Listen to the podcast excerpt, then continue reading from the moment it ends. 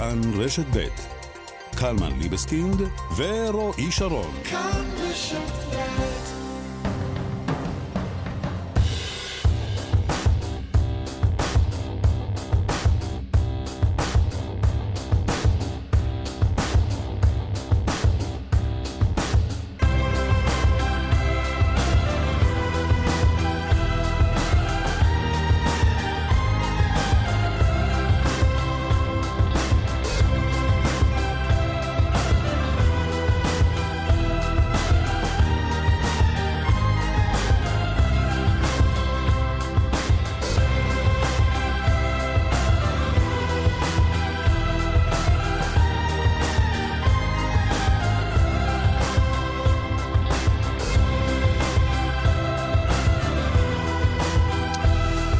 חזרנו. אה, נזכיר שוב את השיחה שהייתה לנו בתחילת השעה הראשונה. אה, אמרנו שניצעת איזה מין דיון כזה ב, אה, בערב החג. אה, על השאלה איך צריך להגדיר, אה, זה אחרי, אחרי, ש, אחרי הפיגוע אה, במחסום שועפאט, איך צריך להגדיר... אה, אותה בעצם, את נועה לזר, שנהרגה שם בפיגוע הזה, והנה אני אומר נהרגה, וכבר אני פה בתוך הדיון הזה, האם היא נהרגה, האם היא נרצחה, האם היא נפלה, כל זה אה, בעקבות הודעה של אה, דובר צה"ל שאמר נהרגה, ואתה... נהרגה זה מאוד ניטרלי. השאלה אם אתה גם מייחס לזה עוד משהו בנוסף לזה שהיא נהרגה. ו... כי, כי למילים נרצחה או נפלה יש משמעות יותר, משמעות ציבורית. יותר מכובדת או פחות מכובדת, ובעניין הזה אנחנו רוצים לשוחח עם הרב אוהד טהרלב. בוקר טוב לך. מועדים לשמחה ובוקר טוב. שלום, שלום. ראש מדרשת לינדנבאום, וגם חבר ועדת המינוח של חללי צה"ל. היית חבר בוועדה הזאת? אכן. אז בוא, בוא, בוא תזכיר לנו מה הוועדה, מה הוחלט, מה היו ההמלצות. האמת שהוועדה הזאת התכנסה ב-23 למאי 2018. יש לך קצת רעשים על הקו. אה, איך עכשיו? שומעים טוב יותר? לא, האמת שלא. נהוג לומר כן אחרי הניסיון הראשון לתקן מיקום, אבל לא. לא, כי זה לא המיקום. תיקנתי מיקום. לא, זה לא המיקום. אני מרגיש שזה משהו ב... זה... יש לנו בעיה. שומעים אותי? או, עכשיו כן. וואלה. אוקיי, בסדר גמור, על הכיפה. אז הוועדה הזאת התכנסה ב-23 למאי 2018. Uh, האמת שזאת לא, זאת הייתה ועדה מייעצת uh, שכינס אותה תת-אלוף uh, בזמנו דובר צה"ל רונן בנליס, היום במילואים. Uh, השתתפו שם קבוצת אנשים מאוד מכובדת, uh, שחלקם גם הורים שכולים. Uh, העיתונאי נחום ברנע, uh, אלוף, אלופת משנה במילואים ורדה פומרן, שהייתה גם כן רמ"ח... עוד פעם הקו שלך מקרטע מאוד. עכשיו שומעים טוב יותר? לא, לא. מה, מה היה מקודם שעבד? מה? עכשיו עבד? זה עובד? עכשיו יותר טוב, כן. אוקיי, אז אני מקווה שזה יהיה יותר טוב. אז אמרנו, אנחנו ברנע היה ורדה פומרן, שהייתה קצינת נפגעים ראשית, ושניהם גם מורים שכולים, ואתה... נכון, היה שם, גם היה שם חבר כנסת אה, אלעזר שטרן, שהיה ראש אכ"א בזמנו, האלוף. והיה שם אה, אלוף משנה במילואים יאיר בן שלום. ולא אמרנו, גם... ולא אמרנו, וחשוב וצריך להגיד שגם אתה אב שכול. גם אני אב שכול, נכון, לצערי. היה שם גם תת-אלוף אבי בניהו, שהיה גם פעם דובר צה"ל. נגיד רק... ואבירם אלעד, שהוא היה אה, אה, עורך אה, אתר וואלה של חדשות.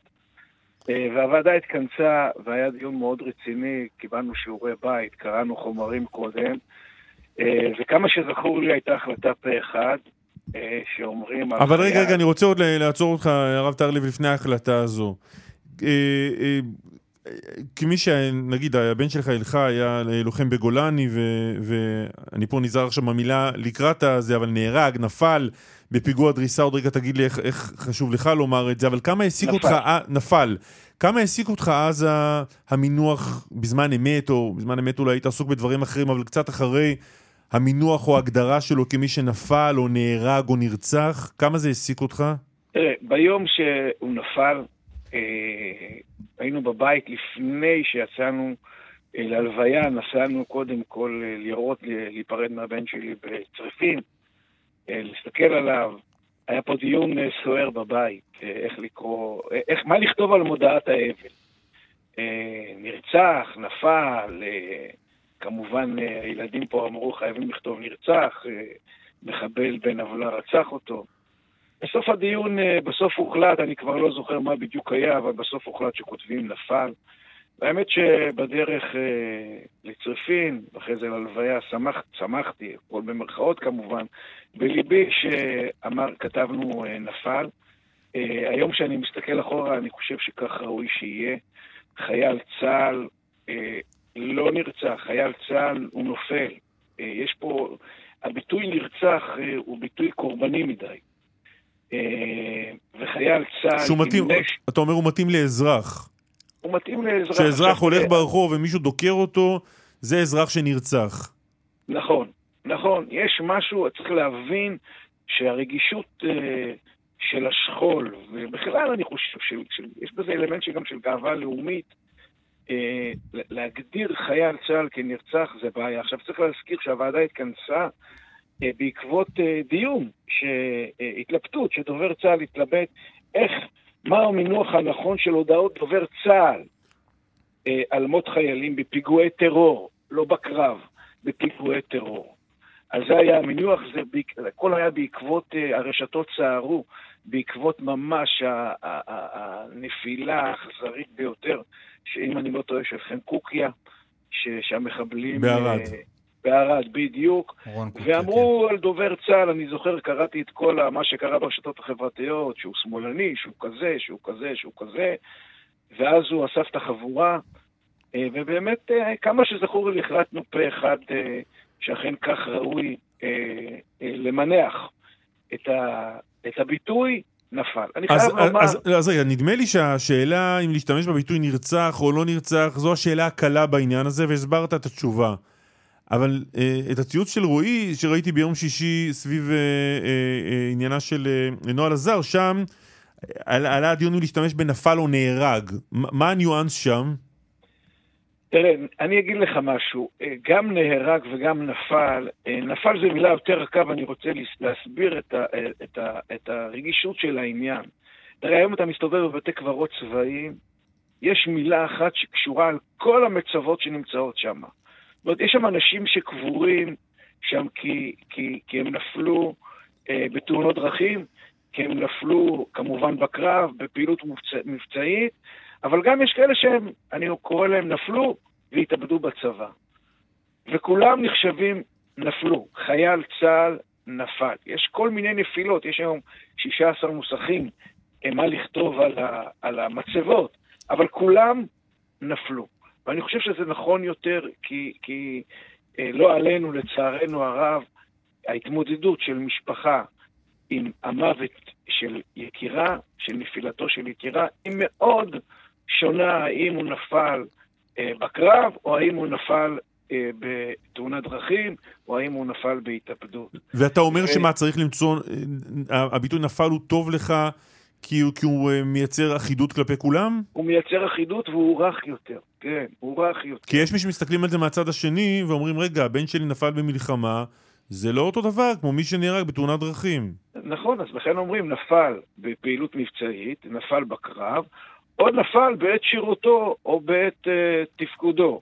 אבל לכולם יש מילה אחת ש... שהיא שותפה לכולם, וזה אה, נפל. אני, אני רוצה לומר, אני מאוד מבין את המקום של להגיד אה, אה, נרצח או נהרג, שלכאורה אנשים מרגישים שזה יותר קולע, אבל אני מרגיש שהרבה פעמים המילים האלה הם באים בעיקר בגלל החברה מסביב, ולא באשר אה, אה, המשפחה. יש לנו אינסטינקט פנימי, כשחלילה וחס קורה דבר הנורא מכל, כמו שקרה לנו, שהבן שלנו נפל בפיגוע טרור, אדם רותח והנקמה זועקת, ואני חש שנכון יותר, גם לטובת העניין עצמו, דרך אגב, גם במלחמה עם הטרור, להגיד נפל אה, ולא נרצח. שפה יוצרת מציאות. אה, נפל מייצר יותר סולידריות חברתית. אבל מכיוון שהשפה יוצרת מציאות, אפשר להגיד שהבן שלך נפל, אבל שמי שדרס אותו הוא רוצח. זה אין לי ספק בכלל, הוא רוצח בן עוולה, זה ודאי. מי שרצח אותו, הוא רוצח בן עוולה. אבל הבן שלי נפל. הבן לא, אני, אני, אני, מח, אני מחדד, כלומר, אני אומר, אם אנחנו לא אומרים שהבן שלך נרצח, אז זה לא אומר שאנחנו לא אומרים שמי שפגע בו הוא רוצח. בוודאי שמי שפגע בו הוא רוצח, וצריך לרדוף אותו, ולהעניש אותו. וכמה שרק אפשר. ואני גם לא מפחד להגיד לפעמים, אה, אה, לעשות, אה, לפגוע ב, בסביבה שתמכה בו, וכל מה שצריך לעשות. אבל חייל צה"ל נפל.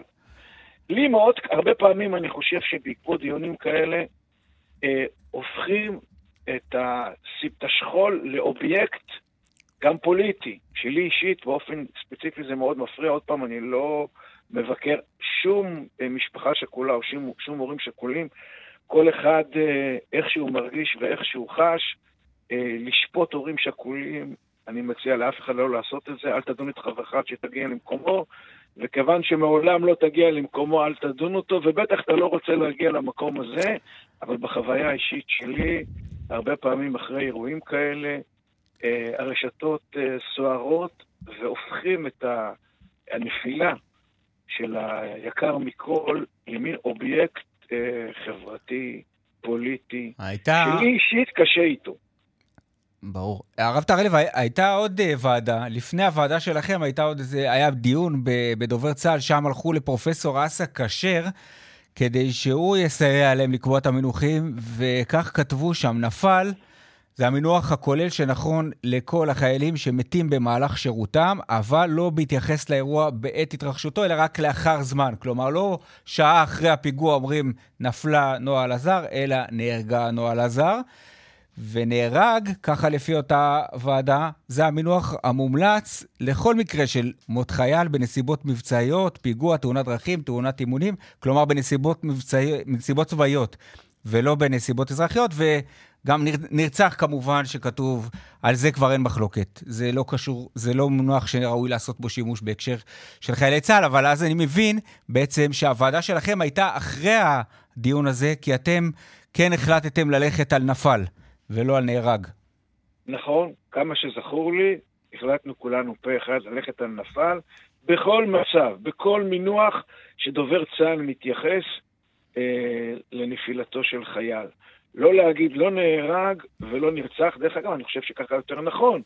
אם יש החלטה אחרת או מסמך אחר, אה, אני לא מכיר באופן, אה, ראיתי את המסמך הזה, אבל אני לא מכיר אותו ככה, אה, שנכתב או פורסם אחרי ה... שהוועדה הזאת התכנסה.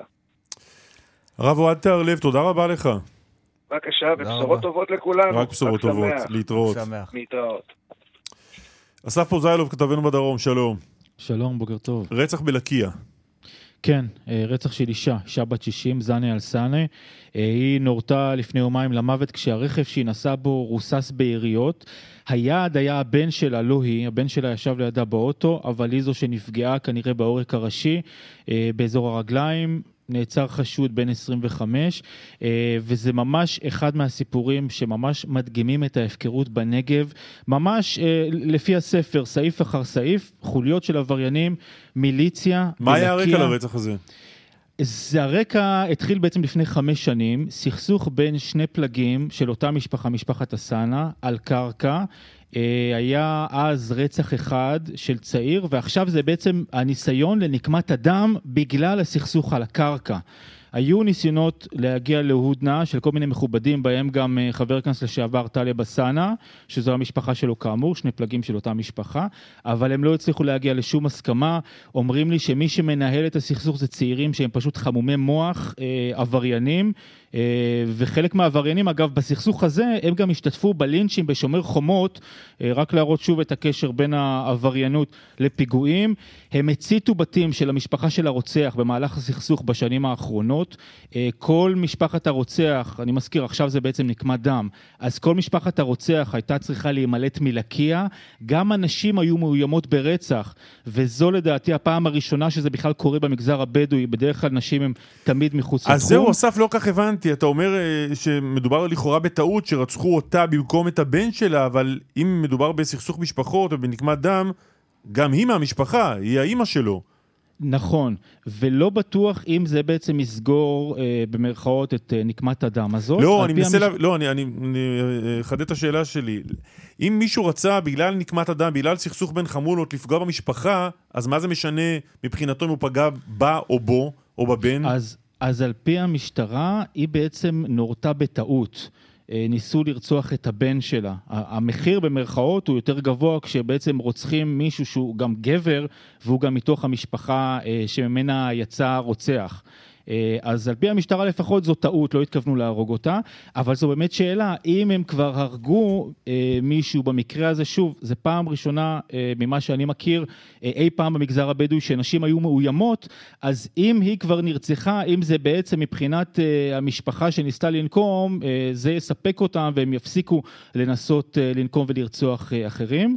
אה, מה שכן אפשר להגיד, שזה אם הסכסוך הזה ייגמר, מה שבכלל לא בטוח, הרי זה יתחיל מהצד השני, אה, וגם אם לא, יש הפקרות מוחלטת, לא רק בלקיה, המשטרה לא נכנסת בזמן ירי בין חמולות, זה פשוט בלתי אפשרי, הם צריכים כוחות כמו אלה שנכנסים עכשיו לג'נין, והנה גם אחרי הרצח הזה אה, של זנה אלסאנה, אז נעצר רק אחד, יובא עכשיו להארכת מעצר, וזה בטח לא ירתיע את האחרים, רק מעצר אחד כזה.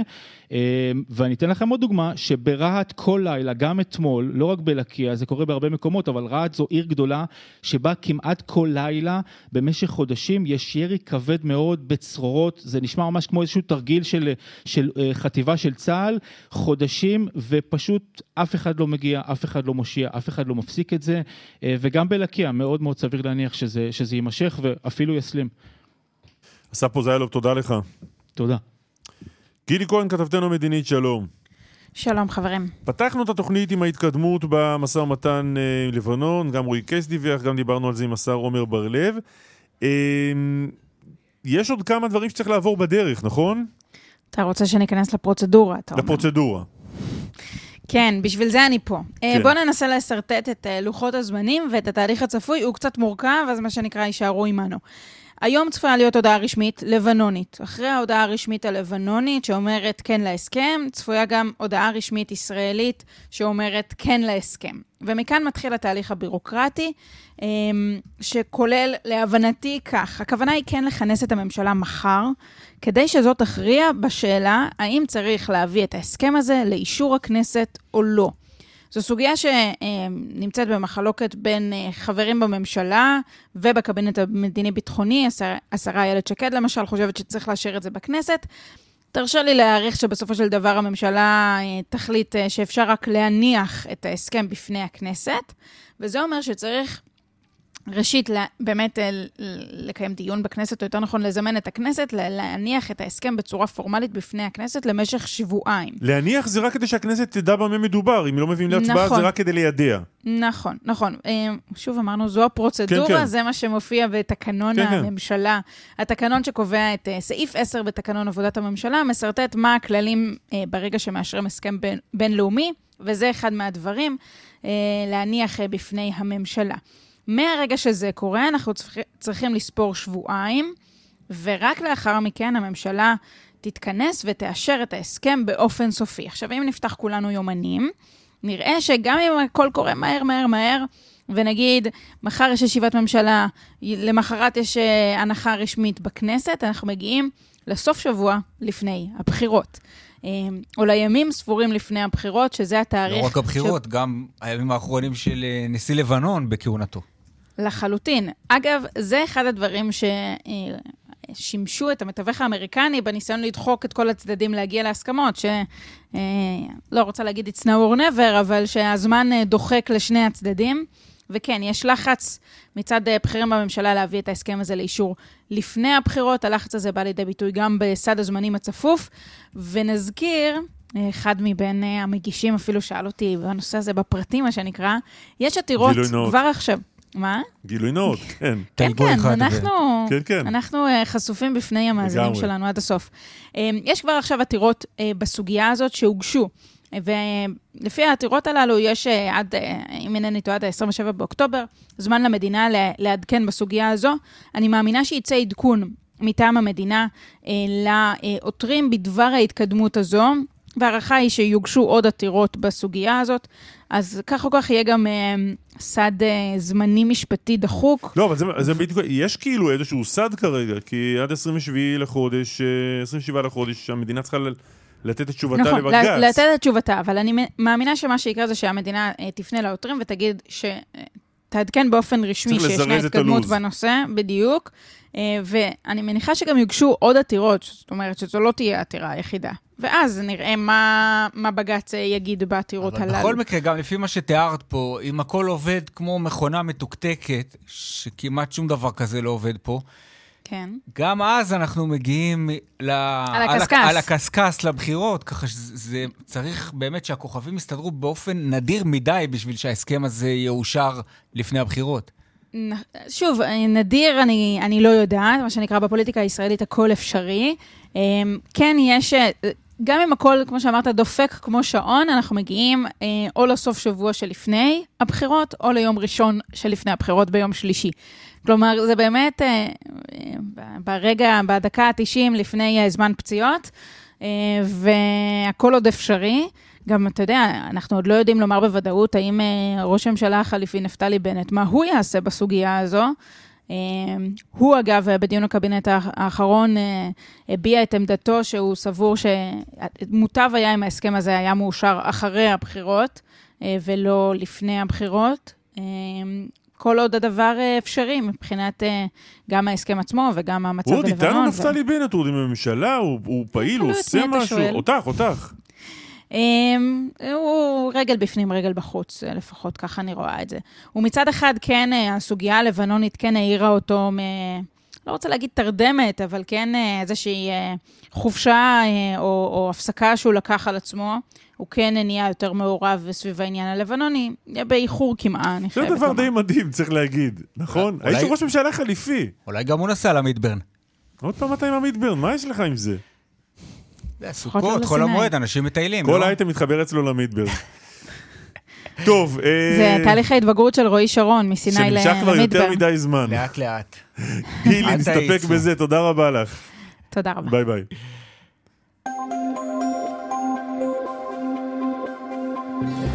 וזה, אני אגלה לכולם שבפרסומות אתה רק שואל אותי על המידברן, תן, תן לי פרטים, מה קורה שם, איך מגיעים, איפה קונים כרטיסים. אתה חוזר את זה 200 פעם ואני לא יודע מה זה. דרך של צפון העמוסה ממחלף עירון לכיוון מחלף עין תות. זה מהמטיילים. זה מהמטיילים. כן. כי שאלנו על עין תות באמת. נכון, דרך 85 מערב העמוסה מצומת רמל לכיוון כרמיאל גם יכול להיות מהמטיילים. אנשים יוצאים טיפה מאוחר, לא כולם קמים ב-6 בבוקר בשביל לעשות טיול בנחל יהודיה. טעות, טעות. אה, או להגיע שם לתערוכת זבל. דיווחים נוספים בכאן מוקד התנועה כוכבית 9550 ובאתר שלנו. פרסומות ונחזור. דקלה רות שפרן, שלום. שלום, בוקר טוב. מה זה מה עכשיו? הבטחנו שעתיים את הדיון על אפידורל, אתה שואל אותי מה עכשיו? הנה עכשיו, זה הגיע. הנה זה בא. דקלה באולפן. מה... הנה אני כאן. מה קרה? האמת היא שהכל מתחיל מהמלחמה באוקראינה כנראה, אבל אתם תשמעו על זה עוד קצת uh, בהמשך. מחסור בחומרי גלם שמביא לחשש שפשוט לא היו מספיק ערכות אפידורל בחודשים הקרובים. כי מה, מייצרים את זה באוקראינה?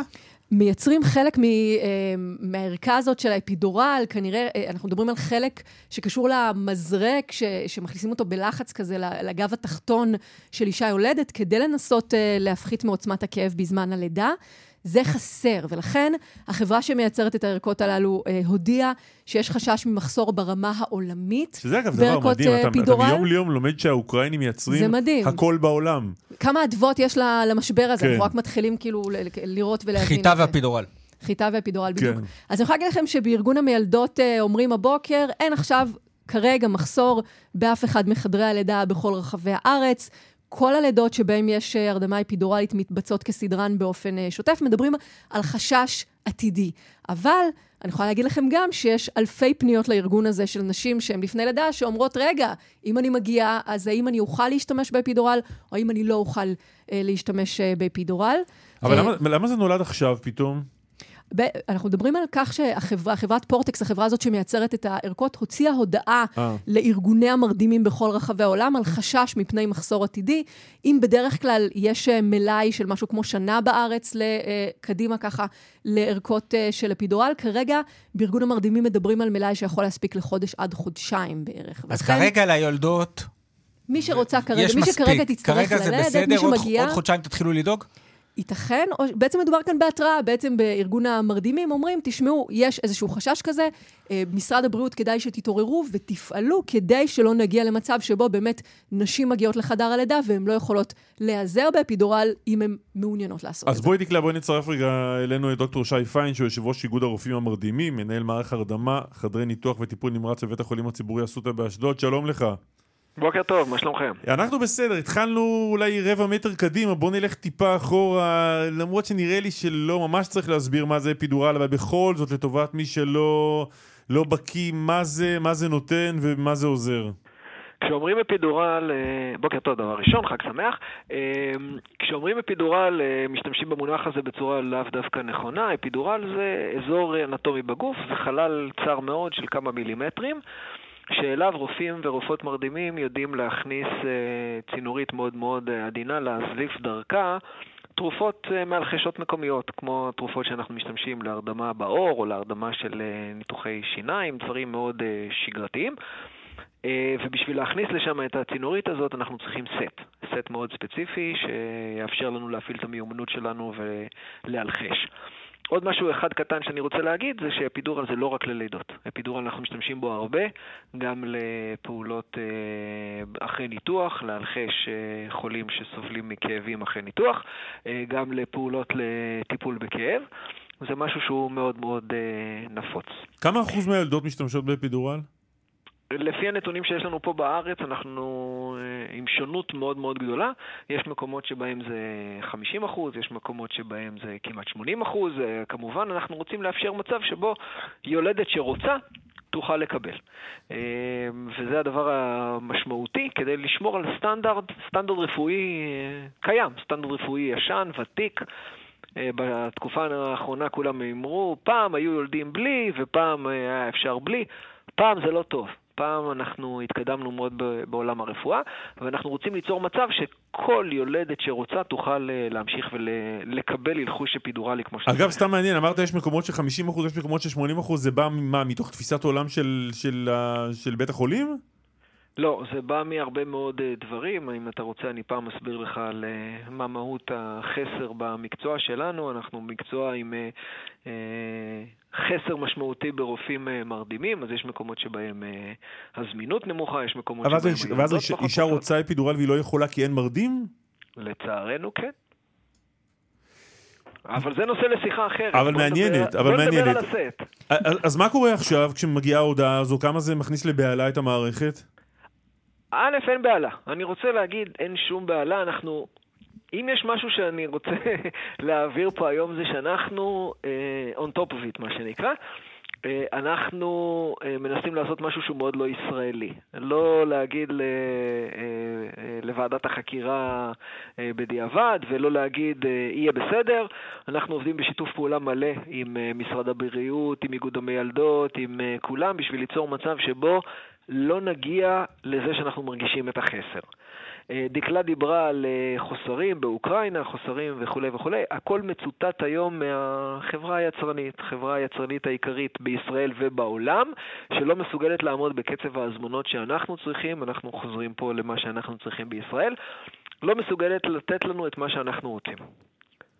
אבל דוקטור פיין, אם בעצם אנחנו פונים, אתם פונים למשרד הבריאות ומתריעים על החסר הזה, נשאלת השאלה מה משרד הבריאות בכלל יכול לעשות. אנחנו מדברים על אה, חסר ברמה העולמית, דיווחים גם מאירופה, גם מארצות הברית, על קשיים משמעותיים באספקה הסדירה שכבר גורמים לחסרים ראשוניים ברמות מלאי.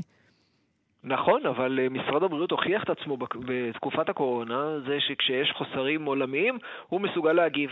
הוא הביא לפה מסכות N95, הוא הביא לפה מנשמים, הוא הביא לפה משאבות מזרק. משרד הבריאות יודע לעשות הרבה מאוד דברים. אה, אני לא רוצה להגיע למצב שבו אני כאיגוד מקצועי, איגוד שאחראי על איכות הרפואה שאנחנו נותנים לחולים, צריך להוריד את הסטנדרט שלי לעומת העולם. אם יש מחסור עולמי וכל העולם נמצא באותה סירה, באותו מקום, אין מה לעשות. אבל אנחנו לא יכולים להגיע למצב שפה בישראל אנחנו מתחת לסטנדרט העולמי. אבל יש בעוד מקומות אחרים בעולם?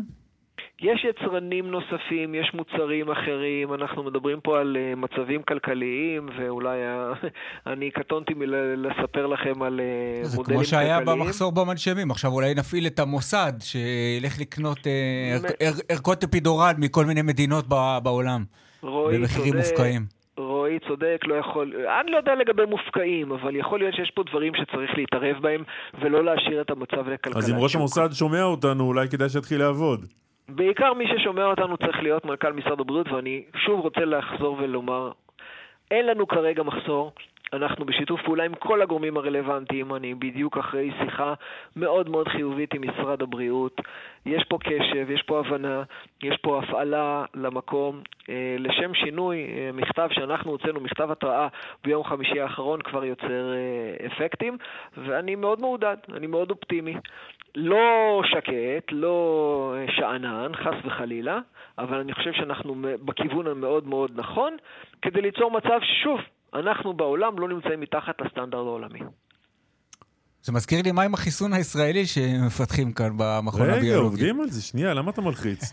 עובדים על זה. שנייה, הקורונה תיגמר ויהיה חיסון, חכה, הכל יהיה בסדר. אפרופו זה... לאירועי אצה הדרך. יש אפשרויות גם לייצור אה, מקומי, זה נכון, יש פה חברות נהדרות שמסוגלות לייצר מוצרים. הבעיה היא שכמובן זה לוקח זמן. אם אני עכשיו צריך בתור יצרן אה, אחראי על מפעל להסב אה, פס ייצור ממשהו אחד למשהו אחר, זה לוקח זמן. אנחנו צריכים לראות שבו אנחנו מחפים על הזמן הזה ולא פוגעים באף מטופל, מטופלת, יולדת או מטופל אחר שצריכים או רוצים ילחוש אפידורלי. אתה אומר, אתה אומר לא פוגעים, יש בזה גם סיכון בעניין הזה, נכון? מה זאת אומרת? אפידורל. כמובן, אין פעולה שבלי סיכון. אם אני לוקח אקמול, יש לזה סיכון. לכל דבר ברפואה יש תועלת. אפידורל נדמה לי סיכון מעט יותר גדול משל אקמול. מההבנה אה, הרפואית המאוד קטנה שלי. לא? הרופאות והרופאים המרדימים יודעים לעשות את הפעולה הזאת בצורה מאוד מאוד בטוחה. שאלתי את האיש הלא נכון, אתה אומר. למה אוקיי. אתה אומר את זה? שאלת את הבן אדם הכי נכון לדבר הזה. אוקיי. דוקטור פיין, אבל אם חברת פורטקס מייצרת משהו כמו 80% מהערכות בעולם, נשאלת השאלה עכשיו, האם עכשיו באמת הולכים לראות אנשי מוסד ישראלים שנמצאים במרוץ מול אה, אנשים אה, של, אה, אתה יודע, אנשי ביון ממדינות אחרות כדי לשים יד על ערכות? כי העימות באוקראינה לא נראה כאילו שהוא הולך לקראת סיום. המחסור בחומרי הגלם מתבטא במחסור ככל הנראה בחודשים הקרובים. יכול מאוד להיות. אנחנו ניזונים כרגע מהדיווחים של היבואנים ושל החברות. אבל uh, יש uh, מצב שבו אנחנו מחליטים ברמה לאומית להגיד, אנחנו לא משאירים את זה לרמת חברה כזו או אחרת, אנחנו מנהלים את זה ב, ב, ברמה uh, אחידה ישראלית כמו שצריך. סוכני מוסד, זה נשמע כמו כבר אה, חומר לרומן של גליל אהרון פדר, אני לא יודע. אנחנו לא נגד רומנים כאלה. אנחנו דוקטור... בעד, אבל כל מה שצריך שיקרה, אני בעדו. כל עוד זה מוצרים, אתם, אתם יודעים, מוצרים מקובלים. דוקטור שי פיין, תודה רבה לך. אני מאוד שמח, תודה רבה. להתראות. ביי ביי. בנימין כהן מציע בטוויטר להביא את מי שמעביר שיעור אצלם בבית כנסת במקום עם פידורל, הוא מרדים יופי. אה, דיווחי תנועה? שלי? דרך 675 מזרח העמוסה מצומת מושב דבורה עד צומת יזרעאל. זה בתענכים, נכון? כן. הייתי צריך את האישור שלך. כי, כי אין תות כבר לא מופיע במבזק הזה. באיילון דרומה... כי זה הפקק נדד. חכה, באיילון דרומה עמוס מכפר שמעיהו עד גלילות וממחלף רוקח עד השלום. זה אלה שמתלבטים אם לצאת לטייל. הם עוד לא יצאו. או שהם נוסעים לאזור אה, רמת גן. צפונה ממחלף לגרדיה עד השלום. וזהו, נשארנו בלי מחלף תות. לקחת את המבזק היחידי שהיה עם תות. אה, יש לנו אחרי הפרסומות סיפור מאוד מאוד מאוד מעניין. מוישה רוזנפלד, שלום. שלום וברכה, מועדים לשמחה. מועדים לשמחה, מה שלומך? ברוך השם, הכל טוב. יפה. אנחנו מדברים איתך בעקבות כתבה של עופר אדרת בהארץ, אה, ולפי הכתבה הזו אתה מעלה הרבה סימני שאלה סביב מה שלמדנו עליו כל השנים, על זה שגוטנברג הוא אבי מהפכת הדפוס, ויותר מזה אתה אומר שהדפוס הראשון לפני גוטנברג היה שלנו, של היהודים. בוא... נכון. מאיפה מתחיל הסיפור שלנו? ומי זה גוטנברג? אז uh, כתב מאוד יפה והיסטורית עופר אדרת. רק אה, הערה אחת היא שלא אני האיש שטוען, אלא עזוב, עזוב, הספרייה הלאומית. בוא, בוא נלך אל הסיפור עצמו. מתי, מאיפה מתחיל הסיפור הזה? 2005, ב... אנחנו כולנו יודעים, הוא שאל מקודם שרון, אנחנו יודעים שגוטנברג הדפיס את התנ"ך ב-1456, והוא הדפיס אותו במיינץ, יש שם אה, מוזיאון לזכרו, איפה? וגם תנ"ך שעומד שם שלו. איפה? סליחה. אוקיי. איפה? במיינץ שבגרמניה. כן. בשנת 2015 הגיע לספרייה הלאומית סוחר, הניח על השולחן של החוקרים המומחים, גדולי המומחים, ספר, ואמר, לא יודע מה זה, תבדקו. ונסע. כעבור חודש מצלצלים אליו ואומרים לו, תשמע חביבי, אתה מחזיק את היהלום של תולדות הספר העולמי. האיש לוקח מטוס ומגיע לירושלים, נכנס ושואל, מה אתם מתכוונים? אומרים לו אנשים, תשמע, יש כמה מאמרים שהיה ידוע שהיה ניסיון דפוס באביניון ב-1444, 12 שנים לפני גוטנברג, והנה אתה הבאת את האקדח המעשן שמחפשים. וואלה. האיש אומר, תכתבו. כותבים לו המומחים על לוגו של בית הספרים הלאומי והאוניברסיטאי. הוא מחזיק את הספר? הוא מחזיק את הספר, והם מחזיקים איתו. הספרייה הלאומית. ו... הספרייה הלאומית. והם כותבים לו הלוגו של בית הספרים הלאומי. חותם על זה גדול החוקרים במאה הקודמת, יצחק יודלוב, שיאריך ימים, והיה מנהל המפעל הביבליוגרפי. חותם על זה באנגלית דוקטור בנימין ריצ'לר, שהיה מנהל מחלקת כתבי היד, המחלקה לתצלום כתבי יד בספרייה הלאומית. הוא מעורב במחקר פרופסור מלאכי בטריה, שמבקש לצלם את הדפים כדי שהוא יוכל לקבל תמונה של סימן המים שנמצא על הנייר, שעל פיו נקבע התאריך. צריך להגיד ש, שאם הדבר הזה נכון, זה רעידת אדמה בכל מה שהעולם יודע על הדפוס, נכון? נכון, וזה לזכותו של עופר ייאמר שהוא העלה את זה שוב על השולחן, כי מנסים לקבור את זה. לא אמרתי, למה? כשהצגתי אותך, מוישה, לא אמרתי, אתה חוקר וסוחר בכתבי יד עתיקים, מנהל המכון לביבליוגרפיה ממוחשבת ולחקר הספר העברי, ואתה עוסק ומבין בדברים האלה, אבל איפה אתה נכנס לסיפור, איך זה מגיע אליך? בכלל שנתיים אחר כך. קודם כל, האיש מקבל את הספר, אבל במקום, במעמד שהוא מקבל את הספר, מבקש ממנו מנהל הספרייה הלאומית לקחת את הספר לביתו לשלושה שבועות. הוא לוקח. כעבור שלושה שבועות הוא מחזיר לאיש את הספר, עם התעודות ביד, עם כל התעודות של הספרייה הלאומית. הוא לא אומר לו שזה מזויף, הוא לא אומר לו חלילה שזה מהמאה ה-16, הוא לא אומר לו שזה מהמאה ה-15, והכי חשוב, הוא לא עוצר את הספר ואומר, הלו, אתה לא הולך מפה עם הספר. כלום. הוא אומר לו להתראות, בהצלחה, והאיש הולך. כעבור שנתיים וחצי האיש הגיע למכון לביוגרפיה ממוחשבת. שותפי שהיה וינוגרד, אוצר הספר העברי, חברי ומלומד דוקטור אליקים קסל, ידידי אייל נעים איש מחשבים, ואנחנו ראינו שלפנינו ישנה תגלית. ובאמת יצאתי לקרב על כבודו של הספר העברי. אבל בעצם למה הוא בא אליך? למה הוא היה צריך אותך? אחרי שהספרייה הלאומית נתנה לו את האישור. כי הרבה מאוד, בדרך כלל, שקיבלו ממומחה של הספרייה הלאומית, היו באים אלינו בגלל שמו של ישעיהו וינוגרד, שהייתי שותפו 33 שנים, והם היו מגיעים אלינו ומבקשים אישור, היו משלמים על זה כסף, כמובן. אה, משהו כמו 300 דולר, 500 דולר, מוציאים להם חשבונית ובודקים, חוקרים וכותבים אה, חוות דעת. בנוסף לחוות הדעת לו בספרייה הלאומית. רק כעבור שנה העסק נתקע. התחילו להפיץ לו בשוק שזה זיוף. הוא חזר אלינו ואמר, חבר'ה, זה זיוף. שלחנו לאבנר רוזנגרטן, האיש ההוא המפורסם אה, עם המעבדה הפורנזית, שעבר את המעבדה, המז"פ של המשטרה, והוא נסע לארה"ב, לקח את הספר, הביא אותו לארץ, בדק אותו במעבדה שלו שלושה שבועות, החזיר אותו בחזרה לארה"ב וקבע, בספר לא נעשה שום מעשה פלילי. וואלה, עכשיו קפצנו. אז מה הם רוצים ממנו? לא, לא נעשה מעשה פלילי, כלומר הוא לא מזויף. הוא לא מזויף, ואי אפשר לזייף כזה דבר. תזכיר לנו שוב המוצאים... מה יש בספר הזה. יש בו, אה, זה שני גיליונות שכמעט מרכיבים ספר שלם, כמעט, חסר גיליון באמצע, והוא עוסק בארבע תעניות, והוא כתוב, הוא מודפס באותיות, אתם קוראים לזה אותיות רש"י, אנחנו קוראים לזה אותיות בינוניות ספרדיות, והוא מאוד דפוס משובש, מאוד מאוד, חקרנו אותו ובדקנו אותו. המצאנו לטובתו תוכנת מחשב, אייל נעימי, מגיע לו המהנדס, מגיע לו את הקרדיט. חילקנו פה קרדיטים ל-40 איש עד עכשיו, ומגיע להם, אבל בואו רגע נגיע לנקודה. אז איפה הבעיה? כי נדמה לי שהספרייה הלאומית באיזשהו מקום שינתה כיוון. לא סתם שינתה כיוון, אלא יצאה בחרם עולמי, בכל מקום שהיא רק יכולה, שזה לא. ואנחנו שואלים, למה שזה זה לא? שזה לא, שזה לא מקורי או שזה לא הכי עתיק שיש?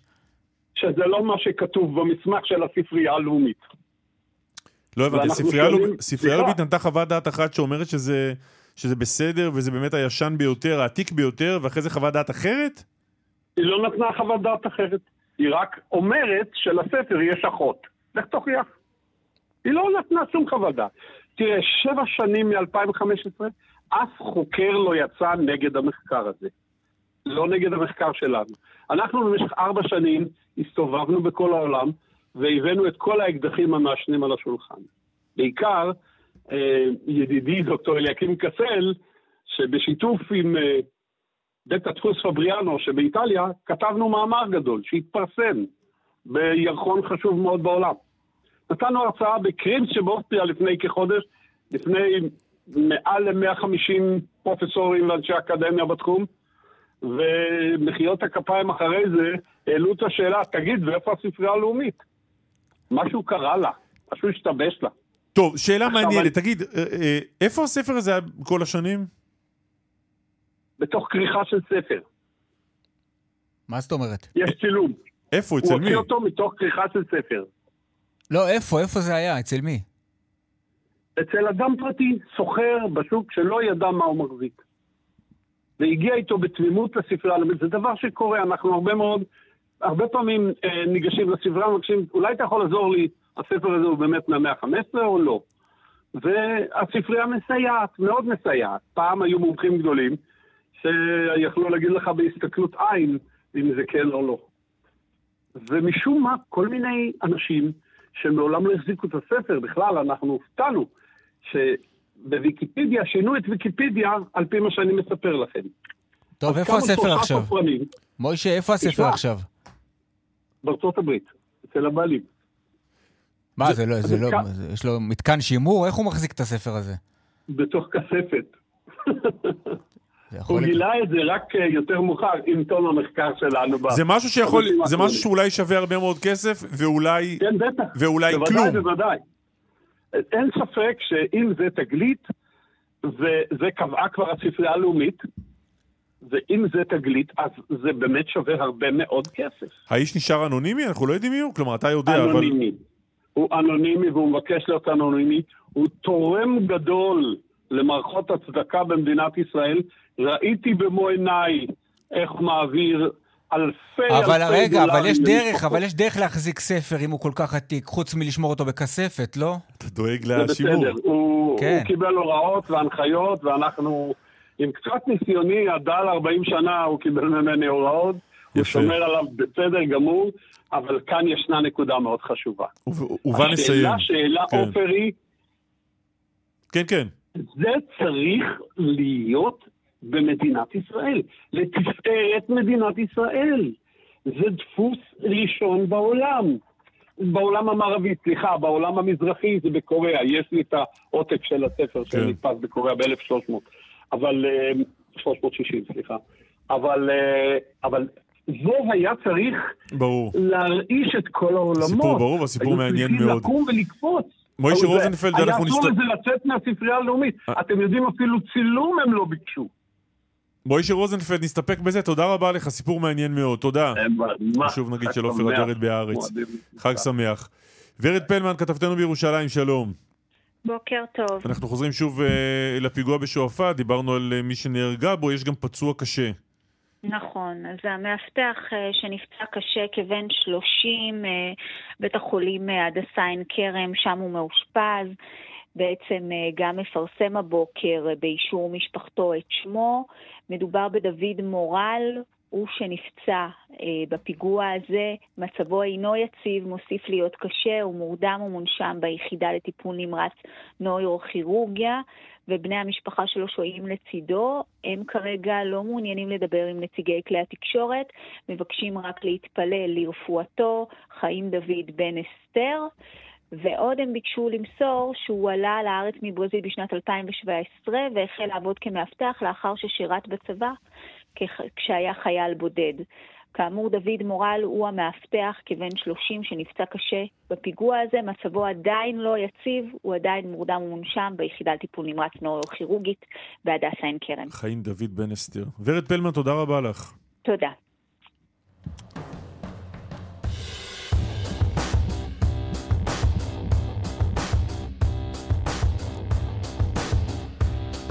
מה, קצת חופש טיולי, משהו בזמן שנשאר? או שאתה עובד מלא? היום? בכלל. מחר? בחג. מידברן? עוד פעם אתה עם זה. היית שם פעם? לא. אז למה אתה מדבר על זה? לא יודע, לא יצא לי. כי זה עלה לכותרות קצת. איזה כותרות? מישהו צייץ בטוויטר שלך? לא מרשים להם להשמיע מוזיקה אחרי 11 בלילה. אתה לא, אתה רוצה לא, שנפתח את זה עכשיו ב-20 לא, שניות שנשארו לנו? אתה יודע מה, כן. יש שם איזה סיפור. אני לא יודע, זה אירוע התרבות הכי גדול במדינה. אומנים מכל העולם, מאות אומנים ויוצרים, וזה, ו, ופתאום מתברר שמכילים עליהם את חוק, את חוק הרעש לא, בין 11... אבל אסור להשמיע רעש אחרי 11 בלילה. כן, אבל זה נמצא במדבר, זה, כל שנה זה עובד. יש שכנים בדואים שרוצים ללכת לישון, אבל. יש שם איזה סיפור, נו, צריך, אה, צריך עיון, כמו שאומרים אצלכם. צריך עיון, טוב. איתמר דורקן ערך, אה, שירלי וייל והדס בארי, הפיקו, חיים זקן. היה טכנאי השידור, רועי שרון, אה, חג שמח, תודה רבה לך, מועדים לשמחה, אנחנו נהיה פה גם מחר בבוקר להתראות. חלקנו.